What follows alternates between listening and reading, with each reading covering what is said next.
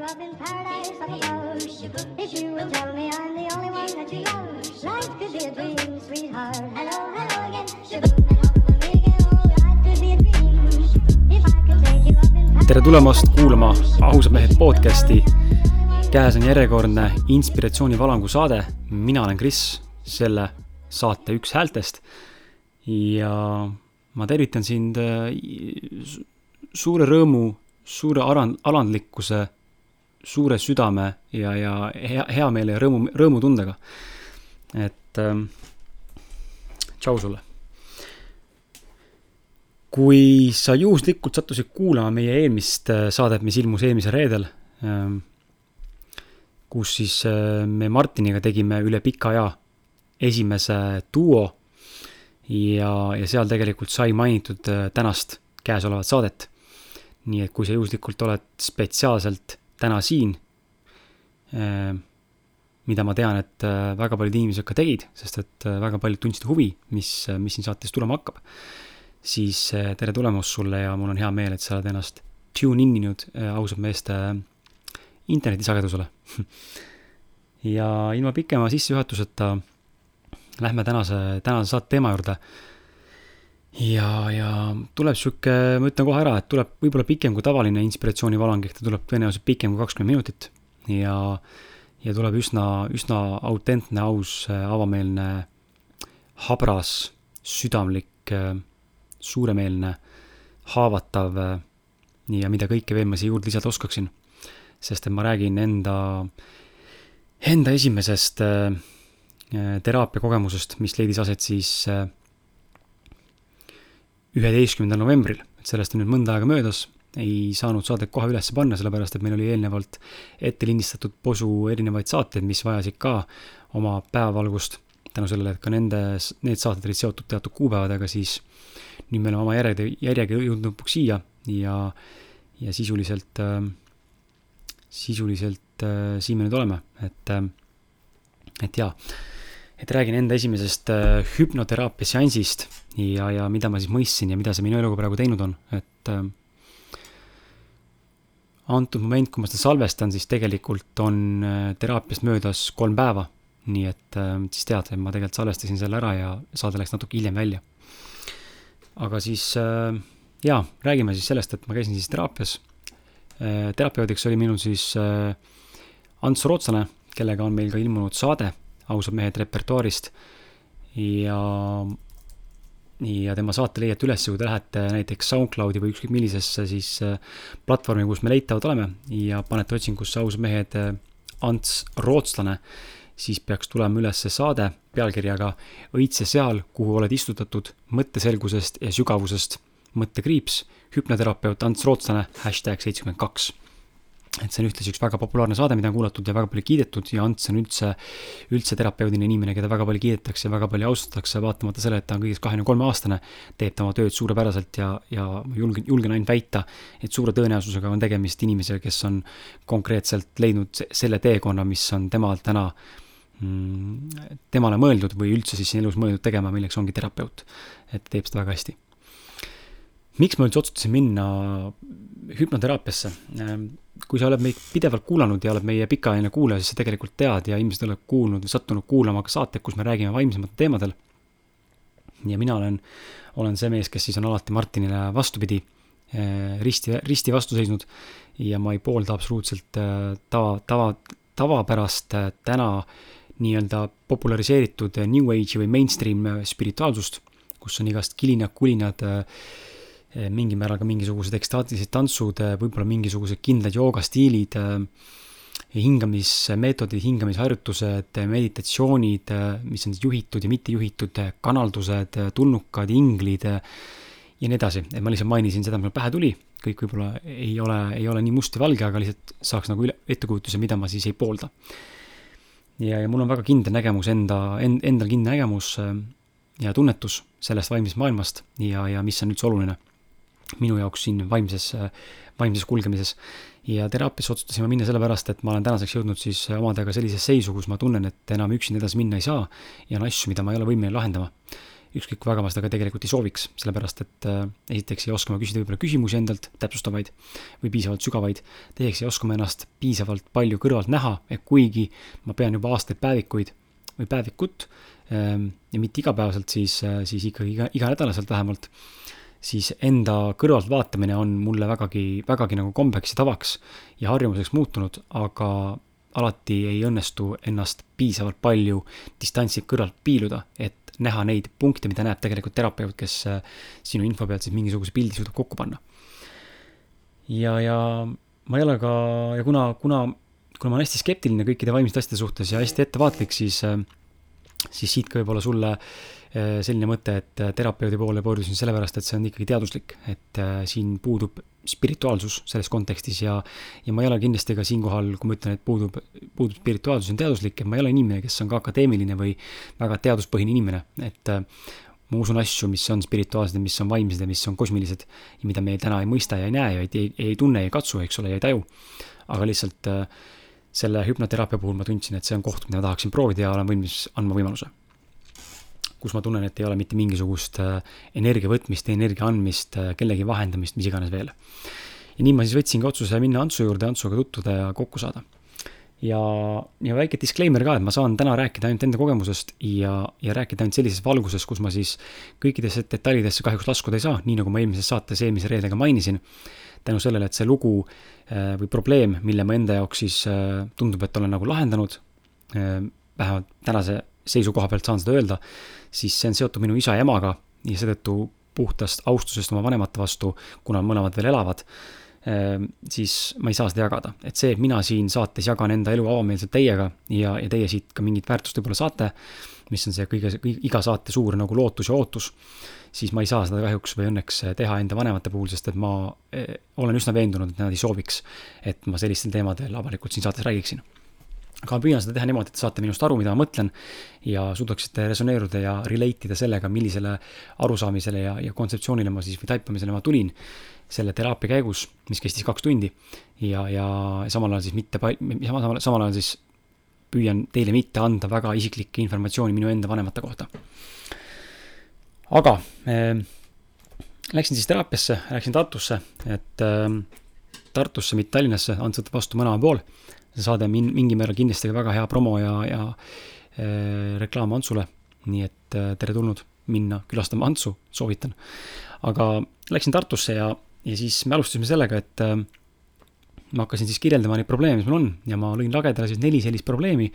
tulles siis tagantpoolt ettepoole, ehk siis nii-öelda enda jaoks mitte nii olulistest asjadest, liikudes siis olulistema asjade juurde ja võin teile ka nimetada need asjad, mis mind, minu jaoks on probleemid olnud, mida ma pole suutnud lahendada üks neist on see, et mul on ujumis, ujumisest tekkinud up,, uppumisest tekkinud trauma, juhtus teises klassis. ma võisin olla siis vanuses seitse-kaheksa, eks ole, kaheksa pigem. ja, ja, ja seal on, Ants kinnitas mulle ka teraapia käigus, et see on kindlasti trauma. Siis äh, teine asi, mis mul on, on minu alaväärsuskompleks minu füüsilise väljanägemise juures, mis on mul tekkinud, äh, ma ei oska öelda, mis vanusest, aga, aga seda on, ma olen alati enda kehakaaluga, mitte, vabandust, mitte kehakaaluga, mitte kui numbriga, vaid enda füüsilise väljanägemisega ehk minu sellise peenesuse skelett, sellise ektomorfiliku olemusega, kui kasutada ladinakeelset sõna, et äh, olen siis inimestele silma jäänud ja ette jäänud nii poistele kui tüdrukutele ja ma olen selles saates siin varemalt rääkinud ka, selle pikalt peatuma ei hakka. ja see kandub minuga tänaseni kaasa ja välja, et alles hiljuti oli mul kogemus, kus ma sain kokku ühe inimesega üle pika aja. ja esimene kommentaar, mis mulle ütles, oli siis see, et ma olen alla võtnud et äh, isegi kui ma püüan seda mitte tõsiselt võtta, siis paratamatult minu hing saab haiget, sest et see on hingetasandil väga sügav haav ja see häirib mind. ja, ja, ja ma olen näinud, et füüsiline trenn, mida ma täna väga tugevalt veel ei tee, aga kui olen isegi teinud, siis ma näen, et füüsilise trenniga füüsilist reaalsust nagu suruda toimima, et mul hakkab keha nüüd olema lihaseline, siis see seda probleemi ei lahenda. nii et see on minu teine probleem ja siis kolmas probleem oli seotud minu kurguga, mis on kestnud juba varsti viis aastat. ma olen käinud ka reaalselt haiglates uuringutel, lihtsalt lasta teha teste nagu laboris, et näha, et äkki ma olen juba nagu segane, et tegelikult mul ei olegi mitte midagi ja, ja, või ongi midagi, et midagi tõsist. Ja seal selgus ka, et tegelikult mul ei ole ühtegi probleemi, kurgus ja mikrofloora on korras, seen ja bakteri haiglusi pole. nii et see on täiesti tekkinud juba mingisugune kuskil mujalt on tekkinud selline psühholoogiline probleem, mis on löönud välja juba füüsilise haiguse, on niimoodi, mul on kurgus pidev mingi klomp, mida ma pean kogu aeg neelama. ja, ja väga huvitav, et, et, et äh, ka mandlikibid nüüd hakkavad tekkima, kes ei tea, mis mandlikivid on, siis guugeldage, sest ma praegu siin meditsiiniliselt pikalt rääkima ei hakka. Aga, aga reaalselt on toimunud äh, läbi mõtlemise on tekkinud füüsiline haigus, mis on täiesti tavaline inimeste puhul, kes piinlevad stressi või mingi ärevuse või mingisuguste mis iganes faktorite all niimoodi, et lõpuks sellest mõttejõust ja nii-öelda vaimsest energeetilisest terrorist või, või negatiivsest aspektist saab meie jaoks füüsiline haigus, inimesed surevad isegi vähki sel tasandil nii et äh, päris hull värk. Kui sul on midagi sihukest, ise oled endale midagi mõttega loonud, siis tasub kindlasti, kindlasti abi, abi, otsida, sest et üksinda sellised asjade lahendust tihtipeale ei jõua. ja neljandaks siis on minul rahaprobleem et mis on see rahaprobleem, mis mul õhus on ja miks ma ei suuda luua endale piisavalt palju raha ja, ja miks on mul nii suur trots, et äh, töötada kellegi alluvuses ja nii edasi, et äh, kuidagi see raha on täna hästi aktuaalne ja siis neid käisin Antsule välja ja Ants siis küsis ütles kohe, et äh, ta näeb ära, ta küsis alguses mu ema-isa kohta informatsiooni minu tausta, tausta kohta. saan nii palju öelda, et ma ei, ma ei tea enda isa, isa isa ei tea, ma ei tea enda vanaisa, ma ei tea ka enda va, ema vanaisa või tähendab ema isa, ehk siis ma ei tea mitte kumbagi enda vanaisa, pole kumbagi mitte kordagi oma elus näinud. Pole, pole peres nagu jutuks ka tulnud. Enda vanematega ma väga ei suhtle, põhimõtteliselt pole näinud juba, ma arvan, üks võib-olla kümme aastat mitte kumbagi. tädiga ei suhtle perekonnaga suhted pealiskaudsed, emaga pole suhelnud kuus aastat, näinud pole kuus aastat põhimõtteliselt ja, ja kuidagi hästi nagu näha, et see minu perekond on hästi selline, seal on mingid probleemid, ütleme niimoodi mis ulatuvad siis võib-olla ka edasi, edasi minu isa, isa eelnevasse põlvkonda ja sealt omakorda veel eelnevatesse põlvkondadesse ja nagu Ants siis kirjeldas ja, ja oma perekonstellatsioonist lähtuvalt siis rääkis, et äh, väga tihti probleemid ulatuvad tegelikult seitse generatsiooni tahapoole, mis meid täna ka mõjutavad. seega mina võin ja teie ka, armas kuulaja, kui sa oled oma generatsiooni noorim liige, nii-öelda põlvkonna, põlvkonna mõttes nagu noorim liige, et sul veel lapsi pole, siis väga suure tõenäosusega võib olla ka sinus mingisuguseid äh, probleeme, mis on kantud, sinuni edasi kantud või sinuni tulnud kuidagi läbi siis äh, perekonna nii-öelda liinide, ema-isa liinide. ja, ja seda ma näen enda elukaaslase pealt ja, ja paljude tuttavate pealt, kes on käinud ka teraapias ja ja see on tõsine värk, et, et äh, ma ei oska, ma ei saa ju öelda, et see nii on, sest et ma ju ei tea, Ants on õppinud seda, mina seda õppinud ei ole. aga see kõik, mis seal nagu mulle ette kanti informatsioonina, mida ma tegelikult tunnetasin ja tundsin, see kõik nagu pidas vett, tundus nii loogiline. seega siis on nagu päris palju asju meie perekonnas olnud mis nagu on mõjutanud ja seal on veel sündmusi on meie perekonnas, mida ma siin praegu ei maini, mis on nagu, mida Ants ütles, et ahaa, et siin nagu on moodustunud väga huvitav pilt ja kui ta minult tegi küsitlust mu perekonna kohta, siis ta nägi ära, et siin on mingi sihuke huvitav pilt tekkinud. et mis on nagu päris sügav ja, ja ta tunneb, et siin on nagu hästi palju erinevaid Äh, selliseid äh, fundamentaalseid nii-öelda teraapiapunkte ühte kohta kokku toodud. et kui tavaliselt inimesel on üks asi, millega tegeleda, näiteks a la, ma ei tea, reetmine või mingi pettumus või viha või, või mingi ängistus või mingi trauma, siis minul oli hästi palju erinevaid selliseid nagu pidepunkte, mida tavaliselt on ühel inimesel korraga, aga mul oli kokku tulnud, et sihuke nagu raskem, mitte raskem juhus, aga kuidagi on hästi palju asju kokku tulnud. ja ja siis ta lasi, esimene asi, mis teha lasi mul, püüan neid harjutusi ja neid teraapia tööriistu, mida me kasutasime seal, kirjeldada ka selliselt, et ma Antsu teenust väga ei reeda. ja, ja et ei, ei, ei, ei võta talt ära seda fookust ja, ja võimalust näidata tal endal sulle, kui sa juhuslikult peaksid tema juurde minema, mis ta tegelikult teeb ja kuidas ta sind ravib või sinuga tegeleb aga esimene asi oli see, et me istusime maha ja siis ma sain, minu ette pandi tühi pink ja ma sain pingi peale asetada siis Äh, sellised puidust äh, klotsid, et ühed olid ristküliku kujulised, teised olid silindrikujulised, eri suuruses, eri pikkuses. ja mõned olid täitsa tühjad, puidust lihtsalt, teistel olid joonistuvad silmad peale, markeriga täpid ja mõnel oli ka suu ja nii edasi. ja siis Ants nagu palus panna mul äh, sisetunde järgi, et hakkaksin nagu mõtlema, et nii, et pane nüüd iseennast. et siis võtsin ühe nuku, mis mind kirjeldas, eks ole, on ju, et mehed olid ristkülikud, naised olid silindrid sugu, sugude mõttes ja siis neid asetasin sinna niimoodi, umbes seitse-kaheksa tükki panin. seal olid siis Liise, mu ema on ju, vanaemad, vanaisad, isa, mina on ju ja nii edasi. ja panin need ära ja siis Ants ütleb, et mm -hmm, väga huvitav on ju, et siin, siin on kohe näha, et äh, mis mul siis selle alusel välja tuli, kui ma, kuna ma asetasin neid iseenda sisetunde järgi poolile on ju, mul ei olnud ette antud mitte midagi. siis ma olin teinud, mul moodustus nagu ring ja ringi keskel oli äh, üks inimene ja selle oli valinud oma isaks ehk siis ringi keskel oli asetanud oma isa ja ma ise olin asetanud ennast kuidagi, see ring ei olnud nagu ka päris ovaal, vaid niisugune lopergune. niimoodi ma olin ennast ise alateadlikult asendanud või tähendab tõstnud siis eh, kõige tagumiseks. ja Ants ütles, et see kirjeldab praegu seda, et ma olen tõstnud ennast eh, oma pere nii-öelda nagu pere puhul või, või pere, pere suguvõsa puhul, mis iganes siis nagu selles kontekstis praegu kõige taha, et mina olen see, kes eh, annab ressurssi tervele perekonnale. aga tegelikult perekonstellatsioonis väidetavalt peaks olema asi vastupidine kus siis laps on see kõige esimene ja kõik muud, ehk siis lapse taga on vanemad, vanemate taga on vanavanemad, vanavanemate taga on nende vanemad ja nii edasi, on ju, seitse nii-öelda kihti. aga mina olin vast nendest kõiki teiste inimeste taha.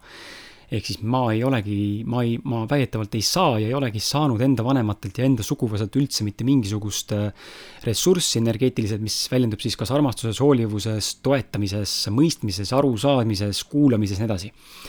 ja kui ma praegu neid asju kirjeldan sulle siin tänase episoodi jooksul, siis palun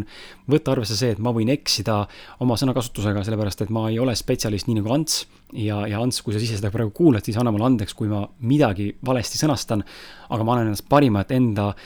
enda mõistuse ja, ja nii-öelda võimekuse juures siis kirjeldada seda, mida mina ja mida ma mõistsin ja millest ma aru saan. Niimoodi, et mina olin siis asetanud ennast täiesti tahapoole ja huvitaval kombel tavaliselt on see ka laps see, kes, laps tegelikult see, kes peaks nii-öelda keskel olema, aga ma olin pannud oma isa sinna. mis tähendas seda, ma olin ühtepidi asetanud, asetanud ära või vahetanud ära enda ja isa kohad enda perekonnas, energeetiliselt ja hingetasandil.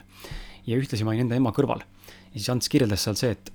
et mis on juhtunud praegu, mida ta siin pildi näeb, et ta kohe hakkab seletama, kuidas see nagu tema jaoks ka realistlik on, miks see niimoodi on, miks see hüpotees tal tuleb pähe praegu siin pildi vaadates. aga oligi see, et ma olin vahetanud ära enda isa kohad, võtnud nii-öelda siis peres isa või nagu mehe rolli ja asetanud isa siis nagu väikese poisi oma poja kohale hingetasandil. ja oma ema olin võtnud oma ekspartneriks, kuna mu ema-isa on lahutatud, siis äh, olin võtnud ema oma partneriks nii-öelda ja ekspartneriks ja mu ema võtab mind hingetasandil täna siis justkui minu, nagu minu enda isa, ehk siis võtab mind kui enda ekspartnerit. nii et ma olin nagu kohad vahetanud. Ja, ja siis see kõik tundub nagu loogiline, sest et äh, kui ma olen nagu oma emaga rääkinud, siis ma näen ka, et ema mingil määral toetub hästi tugevalt mineviku äh, sündmustele ja, ja tahab mind nagu mäletada mineviku põhjal ja mind on see alati ärritanud. sellepärast, et ma ei soovi elada minevikus ja, ja ma tahan nagu elada tänases päevas ja anda võimaluse õppida tundma inimest sellisena, nagu inimene täna on. Vahet pole, kellega ma suhtlen, et ma ei soovi klammerduda mineviku külge ja, ja, ja mind absoluutselt ei huvita, mida keegi on teinud minevikus, sellepärast et me inimesed muutume ajas kogu aeg. ja me kõik saame kogemusi, me kõik teeme lolluseid, eriti noorena. nii et ma ei, ma ei tahaks kinni hoida nendest, mida keegi kunagi on teinud, nendest mälestustest ja seetõttu on mind alati, alati ärritanud see, kui ema üritab nagu mingites mineviku asjades kinni hoida, mis on ka loomulik, sellepärast ta pole mind kuus aastat näinud, isegi rohkem, eks ole, ja ta ei tea, kes tegelikult ta poeg täna on ja, ja ei tea mina, kes mu ema tegelikult täna on ja ma ei tea ilmselt, kes mu isagi täna on ja ma arvan, ma isegi ei tea, kes ma ise tegelikult täna olen. Seega on see niisugused mõnusad konfliktid olnud. ja siis Ants läks tahvli juurde ja joonistas mulle tahvlile siis nagu sellised mingid äh, neli erinevat joonist, ma neid jooniseid kahjuks praegu ei mäleta, neil kõigil nimed olemas aga seal oli näidatud nagu erinevad areng, arenguastmed, et mingist nullist, nullist kuni mingisuguse astmeni siis on see, kus ema, ema ja, ema ja laps on üks. ehk siis ema, laps õpib ema, ema kaudu nagu tervet maailma tundma ja, ja kõike seda usaldust ja kõike seda armastust saama. siis on mingi väike sihuke hetk, kus laps hakkab nagu ema, väljaspool ema nagu kompima nägema maailma ja katsuma ja nii-öelda see nagu turva, turvatsooni nagu murma veits laiemas spektris. siis oli mingi tsoon veel ja lõpuks oli siis see tsoon, kus äh, lapsel tekib tegelikult ka isa kangelane, olgu ta siis tüdruk või poiss, see on vanuses kuus kuni mingi vanuseni, kus siis tekib see lapsel väike selline nagu kangelane, et isast saab kangelane ja tüdrukute puhul esimene armastus siis. ja, ja, ja see on nagu hästi oluline etapp tegelikult lapse psühholoogilises arengus ja,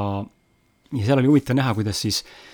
et äh, mina olin äh, just selle, selles vanuses seal äh, kohad ära vahetanud ja kuidagi siis jutt läks selle peale, et äh, Ants küsis ka enne, mis tööd ma teha tahaksin ja vabandust, mis tööd ma teha tahaksin.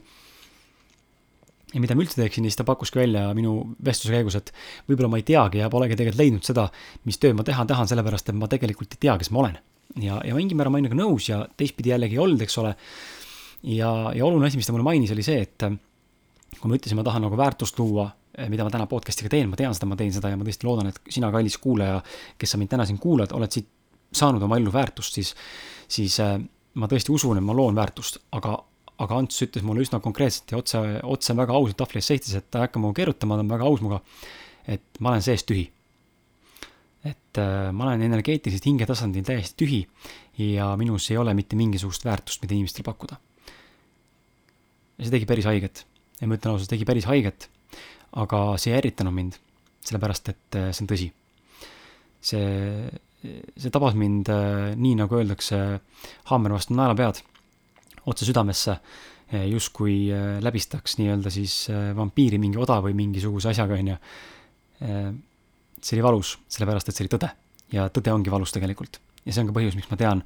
miks mina väga paljudele inimestele tihtipeale ei meeldi, on seepärast, et ma julgen, mul on, mul on, mul on oskus ja õnnestunud vahepeal või noh, ütleme mingis tasemes nagu näha seda, mis on tegelikult tõde kellegi elus ja ka enda elus. ja mõnikord ma ei näe seda ka enda puhul ja teiste puhul, aga need hetked, kus ma olen näinud tõesti seda ja mul on õigus olnud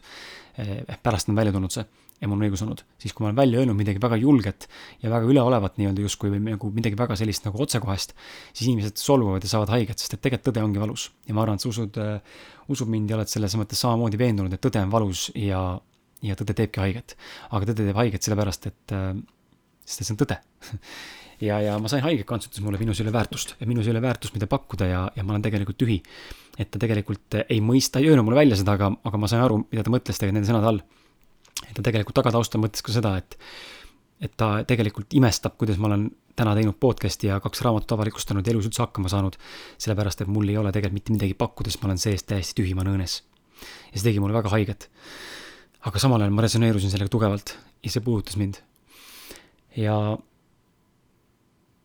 ja siis me läksime, hakkasime tegema harjutusi, esimene harjutus pärast, teine harjutus tähendab pärast siis nende klotside panekut oligi see, et ma siis äh, pidin Antsu suunama, et äh, panin talle käed, noh pidin Antsu suunama siis mingitele kohtadele seal teraapiaruumis ja, ja ütlema, kes siis seisab seal, kas seisan seal mina, kas seisab seal mu ema või isa, on ju. ja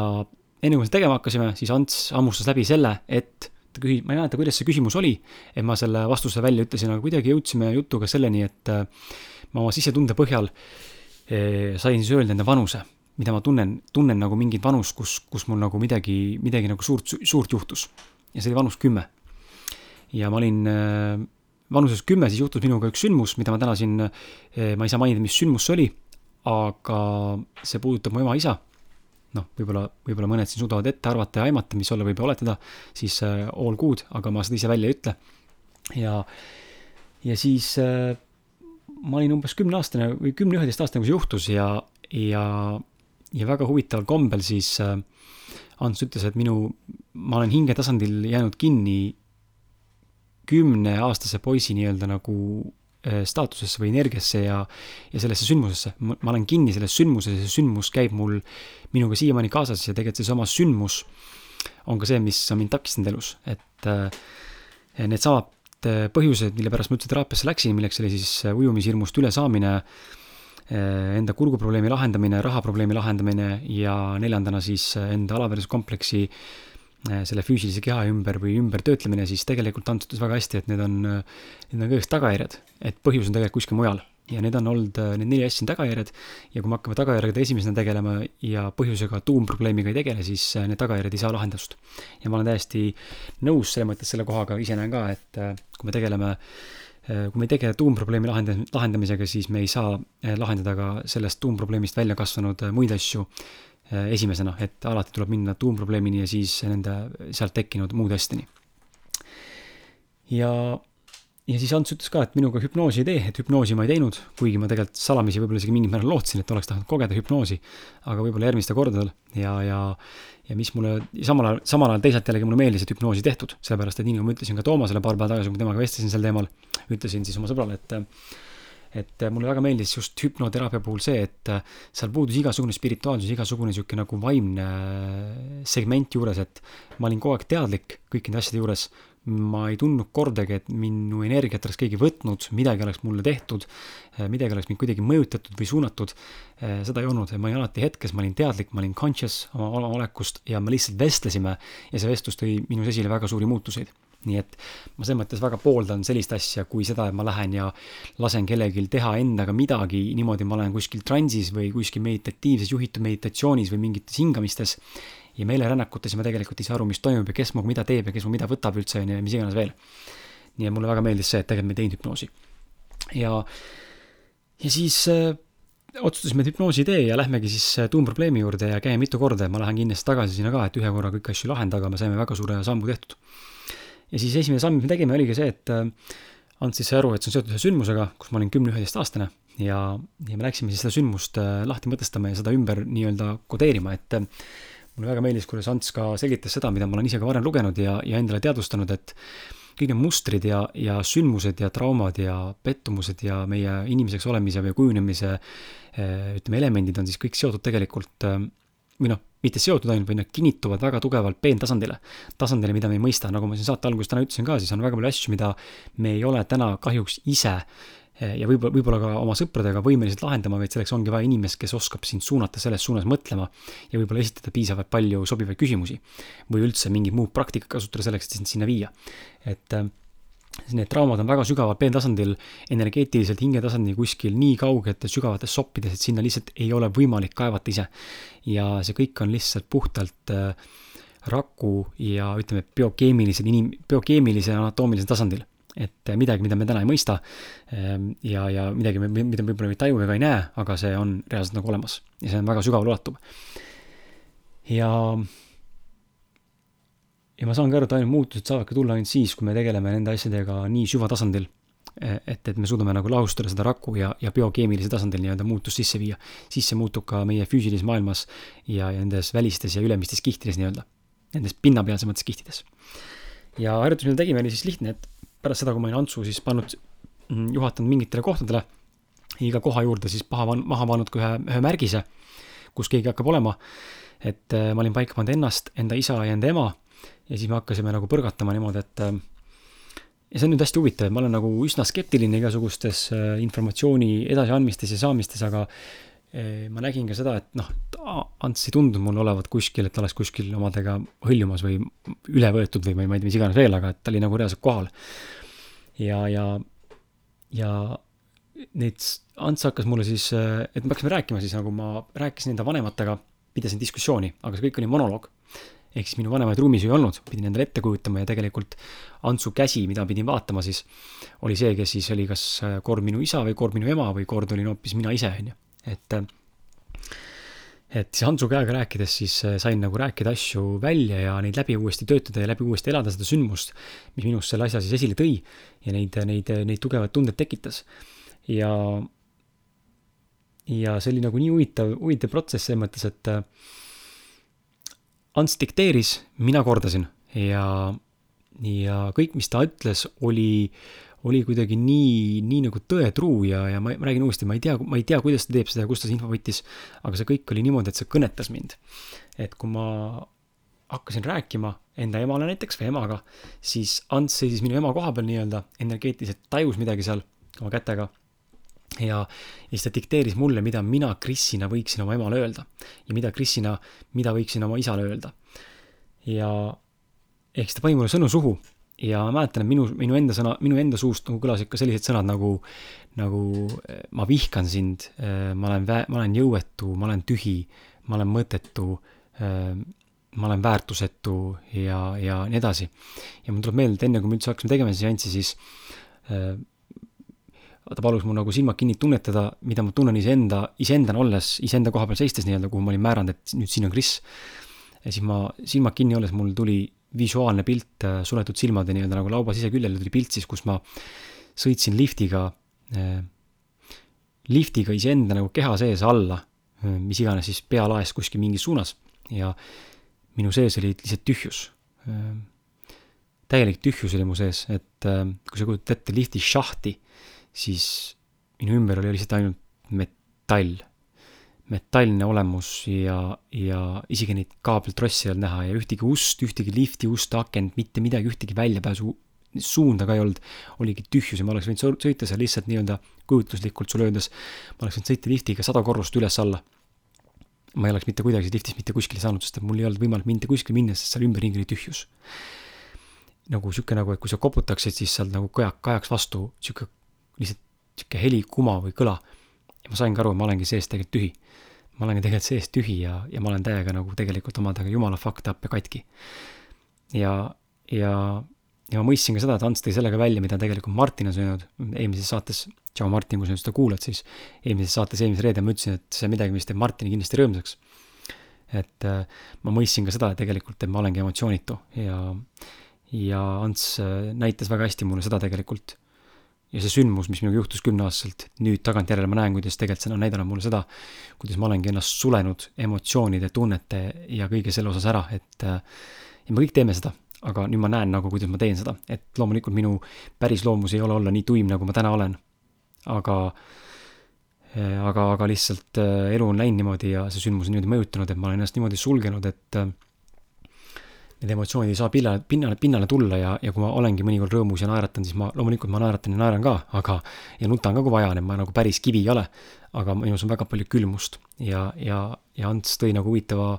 aspektiga välja selles osas, et ta nägi, et terves minu perekonnas, minu terves suguvõsas on väga palju külmust, millega oleks vaja tegeleda. ehk siis väga palju on tegelikult saamata olnud juba kuskilt tagantpoolt, kõrgemalt nii-öelda siis, nagu ma ütlesin saate alguses, minu esi, esi, esi, esi, esi, esi, esi, esi vanematelt nii-öelda, mingisugune kindel generatsioonide kaupa ja, ja ma olen külm inimene ja emotsioonitu ja, ja see ei ole tegelikult minu päris olemus, et ma olen tegelikult teistsugune ja, ja siis ma saingi aru, et, et see on päris, päris kurb tegelikult, et ma ei tunne mitte midagi. ja mingil määral see on hea, selles mõttes, et kui keegi sind solvab, siis sinul, sinus on piisavalt palju tugevust ja, ja piisavalt palju nagu südikust, et jääda endale kindlaks ja mitte lasta ennast kõigutada teise inimese arvamuse, mis ta sinust arvab, sest tegelikult ei ole üldse oluline, mis keegi teine sinust arvab aga teisalt jällegi on see, et äh, mingil määral me ikkagi oleme ikkagi emotsionaalsed ja tundelised ja, ja ütleme nii siis nagu intellektuaalsed olendid. seega meil ikkagi on tunded ja nende tundmine on nagu täiesti normaalne ja, ja see on lihtsalt natukene isegi kummaline ja kurb, et ma ei tunne mõnikord mitte midagi. et mingisugune tunne peaks ikkagi üles kerkima, aga ei teki, sest et ma olen need ära blokeerinud. ja, ja siis äh, neid sõnu välja öeldes, et ma vihkan sind ja, ja, ja oma, oma vanematele siis, sest et tõepoolest ma näiteks oma ema, enam täna ma ei tunne seda, aga enne teraapiat, ma ütlen ausalt, ma tundsin, ma reaalselt mingil tasandil vihkan oma ema. ja, ja see kõik on seotud selle sündmusega, mis juhtus siis, kui olin kümneaastane ja ja kust see viha tuli, mis jälle oli hästi huvitav tähelepanek, et kuna ma olin kohad ära vahetanud oma isaga energeetiliselt, sellepärast et sel hetkel, kui, kui see sündmus juhtus, siis minu vanemad ei olnud võimelised äh, võtma vastutust selle eest, mis juhtus äh, mitte siis nagu teadlikult, vaid, vaid just nagu alateadlikult ja hingetasandil, siis mina väikse poisina ei suutnud, ei saanud piisavalt hoolivust ja armastust tol, tol hetkel, kus ma tegelikult vajasin seda, sest et olukord oli väga raske väikse poisi jaoks psühholoogiliselt. siis ma lihtsalt olin otsustanud, et minust saab suur mees. ja, ja see sündmus ja lisaks ka sündmus, kus ma olin seitseteist, kaheksateist, kui isa mind kodunt esimest korda välja viskas. röövis minult äh, turvatunde ja igasuguse lootuse, et minust saab kunagi hea inimene ja ma üldse läbi löön ja edutunne ja turvatunne ja kõik hoolivus, armastus kadus sekundi pealt ja, ja see sündmus, kus ma isaga enda kohad olen vahetanud, siis et see kõik see, need kõik need isa, isa nii-öelda negatiivsed äh, emotsioonid ja tunded, mis selle sündmusega on kaasnenud äh, minu vanematele ja mulle ja mu isale, olen ma enda isalt üle võtnud, sellepärast et ma olen tahtnud vähendada enda isa koormat ja olen hakanud neid kõiki asju iseendas edasi kandma. ja, ja see viha, mis on tekkinud, siis Ants väidetavalt terapeudina sai nagu öelda, et see viha ei pruugi üldse olla minu enda viha, vaid see viha võib olla hoopis tegelikult äh, tulenevalt näiteks minu isast, mis on üle kantud mulle, mida ma omakorda väljendan siis nii-öelda, kuna ma olen kohad vahetanud oma isaga ja ma olen justkui oma isa energeetilises mõistes, siis ma kannan vimma ja viha enda ema vastu. ja, ja sealt on tekkinud see vihkamine väidetavalt nii et hästi huvitav tähelepanek ja jällegi näitab seda, kui, kui sügav see asi tegelikult on ja niimoodi, et ma ei oleks ealiselt tulnud selle pealegi, et see, see, et sihuke variant võib ka äkki olemas olla ja ma ei saa öelda, et see nii on, sest ma ei tea, aga see tundub nagu loogiline.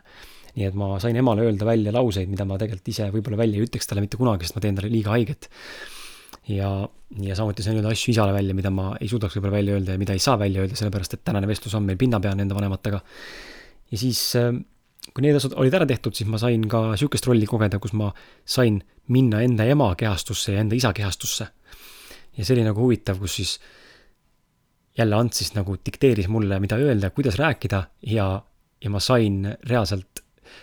rääkida oma emana iseendaga ja rääkida nagu isana ja ma olin justkui oma isa ja rääkisin iseendaga, Krisiga siis ja huvitav on see, et ma tean, see tundub nagu sürr, et what the fuck, kuidas see võimalik on. ma ei tea, kuidas see võimalik on, aga need sõnad, mis Ants nagu ütles, mida ta mulle suhu pani, mida minu isa ütleb mulle ja mida mu ema ütleb mulle, mida nad tunnevad. Need olid täpselt siuksed sõnad ja siuksed tunded, kus ma tundsin äh, ennast äh, väga mitmel kohal väga puutatuna niimoodi, et mul tahtis tulla pisar ja mõnel korral läksid silmad märjaks. aga, aga ja see, need puudutasid mind niimoodi, et ma reaalselt uskusin, et kui mu ema palus vabandust ja mu isa palus vabandust minu käest ja, ja midagi ütlesid ilusat mulle, siis ma tundsin, et, et nad nagu tegelikult ka mõtlevad seda, mida nad ütlesid. kuigi nemad ei olnud ruumis, nad isegi pole mulle päriselt öelnud seda, aga Ants suutis kuidagi nende energiasse niimoodi minna või kuidagi ette kujutada nende nagu seda reaktsiooni, et, et ma reaalselt tundsin, et appi mu ema räägib minuga, appi mu isa räägib minuga. Ja kõige huvitavam on see, et ta ei mõt-, Ants ei mõelnud ka sõnu suvaliselt välja, sest need kõik pidasid väga paika minu jaoks vaid alati ta küsis ka minu käest, mida ma tunnen. ja kui ma ütlesin midagi, kuidas ma ennast tunnen, et ma tunnen praegu, et näiteks äh, ma ei tea, ma ei, ma ei suuda, ma ei suuda andestada näiteks, siis ta, siis ta sellelt tulenevalt, sellest infost tulenevalt, mis ma ütlesin, ta moodustas nagu uue jutu, mis tiirleski selle minu ette antud sõna nagu paari või sõna või mõttekõlksu ümber. ja sealt lähtuvalt läks siis nagu edasi asi. ja ta ütles mulle kohe alguses ka, et kuna ma olen nii külm, siis mind on vaja üldse esiteks vaja üle, hakata üles soojendama, sellepärast et enda vanematele lihtsalt andestada selle üle, mis juhtus, kui ma olin kümneaastane või, või üldse seda viha või kõike seda, seda asja, sündmust lahustada, pean ma ennast nagu üles soojendama nii-öelda emotsionaalselt ja tundeliselt ka, et liiga külmana teha seda ei saa, sest siit ei ole võimalik. Ja siis oligi seal mingeid erinevaid etappe, mis me tegime ja need vestlused olid nii sügavad, et ma räägin, mul ei ole nagu meeles need monoloogid ja need laused, sõna-sõnalt, mida Ants ütles, mida ma järgi kordasin, aga need olid lihtsalt nii vettpidavad ja nii tõetruud, et ma reaalselt tundsin, et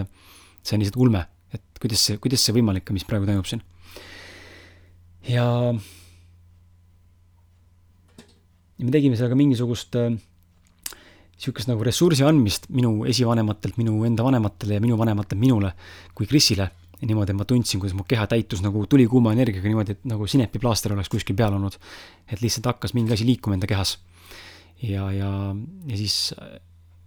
see nagu oli, oli nagu Antsu jaoks äh, kui terapeudiline positiivne märk, et esimesed sammud tehtud. ja, ja, ja sest ta nagu hästi, ongi nagu raske kohati nagu rääkida, sest ma ei, mul on nagu hästi raske nagu kõike kirjeldada, sellepärast et seda oli kuidagi nii palju ja, ja see oli nagu nii sügav kuidagi, et, et et ongi huvitav mõelda, kuidas see nagu nii peentasandil nagu töötab, et ise ei oleks mitte kunagi elu sees selliste asjade peale tulnud, et niisugust asja ise kodus näiteks teha või sellist lahendust otsida. ja, ja lõpuks siis, kui me selle ära tegime, kogu selle seansi, siis kaks tundi möödus nagu niuhti, et kui ta ütles mulle, kaks tundi on möödas, siis ma nagu olin, olin šokis isegi veits, sest et ma ei olnud transis, ma ei olnud hüpnoosi all, vähemalt ma ise sain aru, ma olin teadlikult iga hetkel kohal. aga aeg oli nagu lennanud lihtsalt nii kiiresti, et see, ma ei olegi mitte kunagi kahte tundi nii kiiresti nagu veetnud, et täitsa müstika. et ikkagi mingisugune ajaline luup või mingisugune ajaline nagu auk või kiirendus seal toimis, et mi-, midagi seal toimus. ja, ja siis huvitav oligi see, et nendel hetkedel, kui mingid nagu suuremad väljaütlemised said, said öeldud minu enda poolt enda vanematele või minu vanemate poolt minule kui Krisile, siis ma kogu aeg tundsin mingit lahustamist enda sees, et ma tõesti, tõesti uskusin, et kui ema näiteks palus vabandust, et tal on süütunne ja nii edasi, et ma tõesti tundsin seda, et tõesti mõtles seda. ja, ja, ja mulle öeldi ka sihuke huvitav lause, et et minu enda, minu enda kätes on nagu tegelikult enda vanemate suhte parandamine, et nemad on oma sammud nii-öelda teinud, et minu, minu töö on nagu asi lõpule viia ja minna nagu teha see viimane samm, et võti minu käes ja ma saan ka aru sellest, et ma pole siiani olnud valmis tegelikult oma emaga eriti suhtlema, sest et ma olengi kandnud seda viha endas nii tugevalt ja mingit trotsi. ja, ja ongi nagu huvitav märgata, et pärast seda, kui mingid asjad sai välja öeldud seal, eh, siis, siis ma nagu tundsin mingeid, mingeid nagu asju lahustumas ja, ja nagu lahenemas. ja, ja tekkisid erinevad mõtted ja taipamised, et tahangi oma emale ja oma, oma isale kirjutada ja nendega suhelda rohkem ja ja kuidagi rahu tekkis mitu korda. ma tundsin rahu nagu Kristina olles, ma tundsin rahu iseendana olles ja tundsin rahu ka isana olles. ja, ja siis lõpuks, kui Ants küsis mu käest, et äh, täitsa teraapia lõpus, et kuidas ma ennast tunnen, et et äh, mis siis on, on ju, ma ütlesingi, et rahu on sees ja kuidagi niisugune nagu selge on olla. ja, ja, ja siis ta küsis mu käest mingit numbrit jälle, tunned, mis vanuses sa nagu sa ennast oled või midagi, kuidagi, ma ei mäleta, jälle ei mäleta küsimust detailselt, aga siis mul kargas pähe kakskümmend viis et ma ei olnud enam kümneaastane. ja, ja kui, siis ma ütlesingi talle ka lisa, lisamärkusena, ma tunnen kuidagi, et see sündmus, mis mind nagu mõjutas kümme mm, see kümneaastasest, aastasest saadik ehk viimased kaheksateist aastat on see mind mõjutanud. et ma tunnen, et seda sündmust nagu ei oleks olemas olnud, seda nagu poleks juhtunud või nagu see on nagu tähtsusetu. ja siis ta kinnitaski mulle, et see ongi tähtsusetu, sellepärast et me muutsime sinu biokeemiat. ja see sündmus, see sündmus kaotas oma nagu mõtte. Ja, ja kõige haigem, haigem asja juures üldse oligi see, kulminatsioon on siis see, et tegelikult see sündmus ise mis juhtus. see ei olnud seotud üldse minu emaga, tähendab, ta on kõigi meie kolmega seotud, aga, aga see sündmus äh,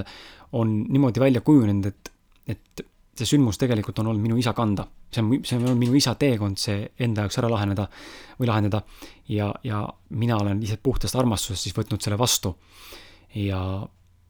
ja võtnud selle endale, selle sündmuse, enda külge võtnud selle sündmuse omaks, teinud sellest oma sündmuse, kuigi minul ei ole selle sündmusega mitte mingit pistmist mitte kunagi olnudki. ja, ja Ants ütles ka, et need põhjused, põhjused, mis minul näiteks on, et ujumise probleem ja see kehakaal ja, ja raha ja mis iganes siin veel mul on kuklal eh, hingamas igapäevaselt. Need kõik asjad tegelikult eh, ongi nagu tagajärjed, selle ühe sündmuse tagajärjed ja ja seesama sündmus on tegelikult minu elu tänaseni takistanud voolamast. et äh, kuigi ma olen väga palju asju saavutanud oma elus, siis äh, ei tea, kuidas, eks ole, aga põhipoint on selle ümber, et põhimõtteliselt ma oma täispotentsiaali pole kunagi kasutada saanud viimase kaheksateist aasta jooksul, mitte sellepärast, et see sündmus energeetiliselt on mind tagasi hoidnud lihtsalt. ja ja ma reaalselt tundsingi, et see sündmus on nagu mõttetu. Ja täna kolm päeva hiljem ma tunnen ka, et äh, seda nagu ei oleks juhtunudki. seda, ma saan aru, et see juhtus, see toimus, see on minevik, aga, aga mul ei tule enam emotsioone ega tundeid selle sündmusega üles, varem, kui ma selle peale mõtlesin, siis mind ärritas see sündmus ja ma läksin närvi ja mul tekkis veel rohkem viha enda vanemate vastu ja kelle vastu iganes veel. täna ma saan aru, et äh, see ongi nagu, see on möödas, see on kuidagi, ma ei oska seda nagu seletada, ma rääkisin Martiniga eelmisel reedel meil oli duosaade ja kui sa seda sattusid kuulama, siis sa tegelikult äh,